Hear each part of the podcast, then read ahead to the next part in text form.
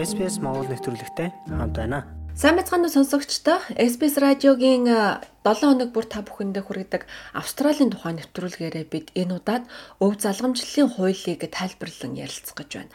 Бусад зарим орноос ялгаатай нь австралчууд өвлөн авсан хөрөнгөндөө татвар төлдөггүй. Гэхдээ өв залгамжлалын тухай хатуу хуультай.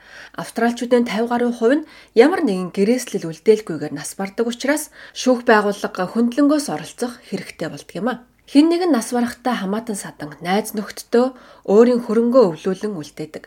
Үүнийг амьгүй хөрөнгө гэж нэрлэдэг бөгөөд хүлээ авсан хүмүүсийг ашиг хүртэгчд гэж нэрлэдэг. Малиса Ренолдс бол Виктория мужийн итгэмжлэгдсэн төлөөлөгчдийн үйлчилгээний гүйцэтгэх ерөнхий менежер юм. Тэрээр хүмүүсийн өвлөн авч болох хөрөнгийн төрлийг ингэж тайлбарллаа. Хөрөнгө гэдэг нь байшин, банкны данс, машин, хувьцаа, гэр ахуйн эд зүйлс зэрэг арилжааны үн цэнтэй зүйл байж болно. Гэхдээ энэ нь бас сэтгэлийн үн цэнтэй зүйлж байж болох юм хөрөнгийг тусгайлан бэлэглэж болно. Бид машина А хүнд өгнө эсвэл хөрштөө 100000 доллар үлдээчих болно. Эсвэл хөрөнгөө ерөнхийд нь үлдээж болдог. Жишээлбэл би бүх хөрөнгөө хүүхдүүддээ үлдээнэ гэж бичиж болно. Хэн нэгэн хүн нас барсны дараа эд хөрөнгөө хэрхэн хуваарлахыг хүсэж байгаагаа илэрхийлсэн гэрээслэл бичиж үлдээсэн тохиолдолд өв залгамжлал илүү хялбар явагддаг. Гэрээслэлдээ итгэмжлэгдсэн төлөөлөгчийг дурдах бөгөөд энэ хүн нь түүний гэрээслэлийг гүйцэтгэх хууль ёсны хүн болдог. Түүний үүрэг бол нас барсан хүний хүслийг биелүүлж бүх үүргээ биелүүлэхийг баталгаажуулах явдал юм. Гүйцэтгэгч нь мөн ашиг хүртэгч байж болтгоо. Филиппин болон Австралийн аль алинд нь хуулийн дадлага хийж байсан Florente Abad хэлэхдээ гүйцэтгэгч томилогдоогүй тохиолдолд шүүх хөндлөнгөөс оролцох шаардлагатай гэж хэлж байна. If there is no appointment in the well for its user. Гэрээсэл тэн нэгнийг гүйцэтгэгчээр томилоогүй бол дээд шүүхээс тухайн хөрөнгөөс хүртэж болох хүсэлтэд өргөдөл гаргагчийг томилно. Уг өргөдөл гаргагчийг итгэмжлэгдсэн төлөөлөгч эсвэл администратор гэж нэрлэдэг. Гүйцэтгэгч нь гэрээслэл томилогдсон итгэмжлэгдсэн төлөөлөгч байна. Харин администратор нь шүүхээс томилогдсон итгэмжлэгдсэн төлөөлөгч боловч гэрээслэлд бол биш юм а.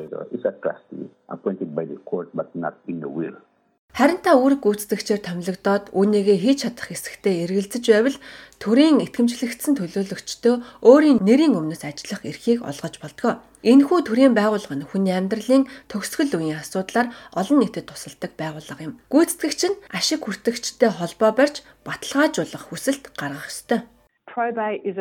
Гэрээслийг албан ёсоор баталгаажуулах нь шүүхийн ажил юм.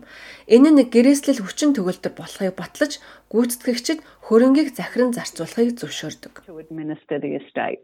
Улсын дээд шүүхээс баталгаа гаргах хүсэлт бүрийг бүртгэдэг. Та өөрийн амьдардаг газрынхаа дээд шүүхийн хяналтын бүртгэлийг үзэх боломжтой. Гэхдээ хэн нэгэнд гэрээслэл үлдээлгүйгээр нас барсан тохиолдол их гардаг тул өв залгамжлалыг хэн авахыг хуулиар шийдвэрлэх ёстой гэж хадагтай Ренолдс ярьлаа. So when a person dies without a will, this is called dying intestate. Хүн гэрээслэл үлдээлгүйгээр нас барвал үл залгамжлах гэж нэрлэдэг. Мууч бүрт хэн ямар хэмжээний хөрөнгө авахыг заасан хууль тогтоомжийн томьёолол байдаг. Энэ хөрөнгийг хэрхэн хуваарлах талаар хэлэх эрх танд байхгүй. Үл хөдлөх хөрөнгийн хамгийн их эрхтэй гэж тооцогдох хүн хөрөнгийн буцалтгүй тусламж авах өргөдөл гаргаж болно. Эсвэл тэд хөрөнгийг удирдах эрхийг нийтийн итгэмжлэгдсэн төлөөлөгчдөд өгч болдгоо. Or they can authorize a public trustee to administer the estate. Гэрээслэлгүйгээр эд хөрөнгийг хуваарлахад ашигладаг нэр томьёог өв залгамжлалын тухай хууль гэж нэрлэдэг. Ихэнх хөрөнгө нь ихэвчлэн амьд байгаа хамтрагчтай мөн үлдсэн хэсэг нь хүүхдүүдэд нь очдог.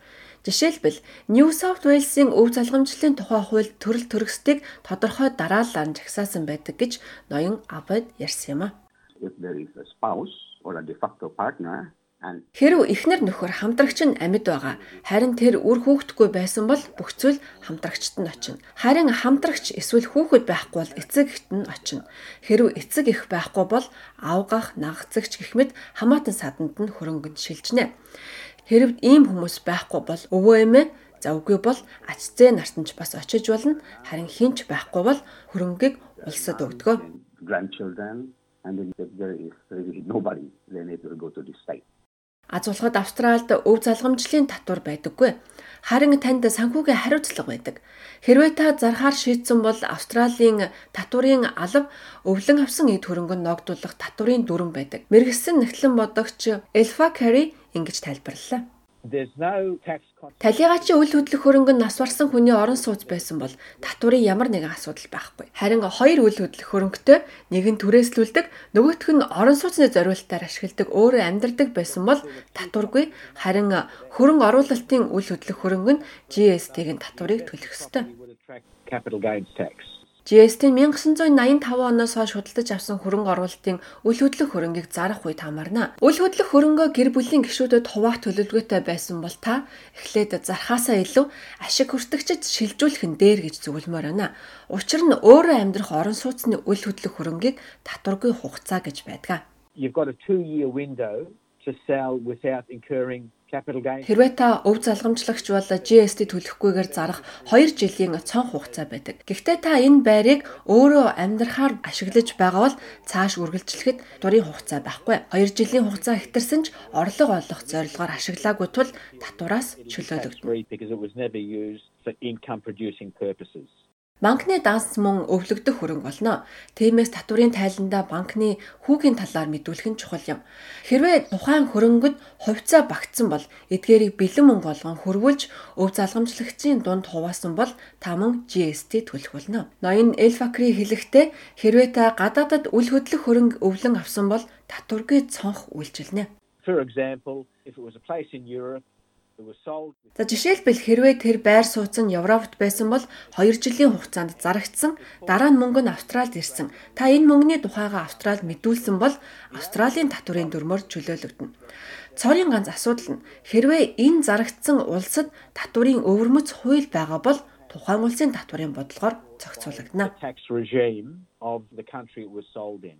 Хэрвээ гэрээслэл байхгүй эсвэл өв залгамжлах эрхтэй гэж үзэж байгаач гэрээслэлд дурддаггүй бол яах вэ? Өв залгамжлалын тухай хуулийн дагуу та үнийг эсэргүүцэх хэрэгтэй. Үүнийг нийтийн гэр бүлийн нэхэмжлэл гэж нэрлэдэг. Та нэхэмжлэлийн үндслэлтэйгээр гаргах хэрэгтэй. Та түүний хуучин эхнэр эсвэл хүү охин нь гэдгээрээ эрх авах боломжгүй. Талигаач нас барсан гэрээслийн дагуу танд хангалттай зүйл өгөөгүй тул та санхүүгийн харилцаа холбоо хэрхэн хохирч байгаагаа тогтоох хэрэгтэй юм. Тэгэхээр ийм хатуу чиг барьсан дүрэн байхгүй. Гэхдээ шүүх таны нэхэмжлэлтэй холбоотой нөхцөл байдлыг харгалзан үзэх болно. will take into account the circumstances surrounding your client. Өв залгамжлалын иймэрхүү асуудал төвөгтэй байж болох ч тусламж авах боломж үргэлж байдаг. Викториягийн хууль зүйн хүрээлэн, New South Wales-ийн хууль зүйн нийгэмлэг зэрэг байгууллагууд танаа нутаг дэвсгэрт таны хэлээр ярих, эсвэл тухайн тохиолдолд ажиллах өмгөөлөгчдийн жагсаалтыг танд гаргаж өгөх боломжтой. Melissa Reynolds-ийн хэлснээр мууч нутаг дэвсгэрт бүрт төрийн итгэмжлэгдсэн төлөөлөгчд байдаг гинэ. Олон нийтийн итгэмжлэгдсэн төлөөлөгчд эсвэл үйл хөдлөх хөрөнгөний чиглэл чиглэлээр мэрэгсэн хуульч тусламж үзүүлэх боломжтой. Төрийн итгэмжлэгдсэн төлөөлөгчдийн захим хуудаснаас та гэрээслэл хийх, үүрэг гүйцэтгэгчээр ажиллах зэрэг үнгүй гарын авалгуудыг үзэх боломжтой юм шүү. SPS Монгол хэлээр бидний нэвтрүүлгийг Facebook сошиал хуудасаар бусдаа хуваалцаарай.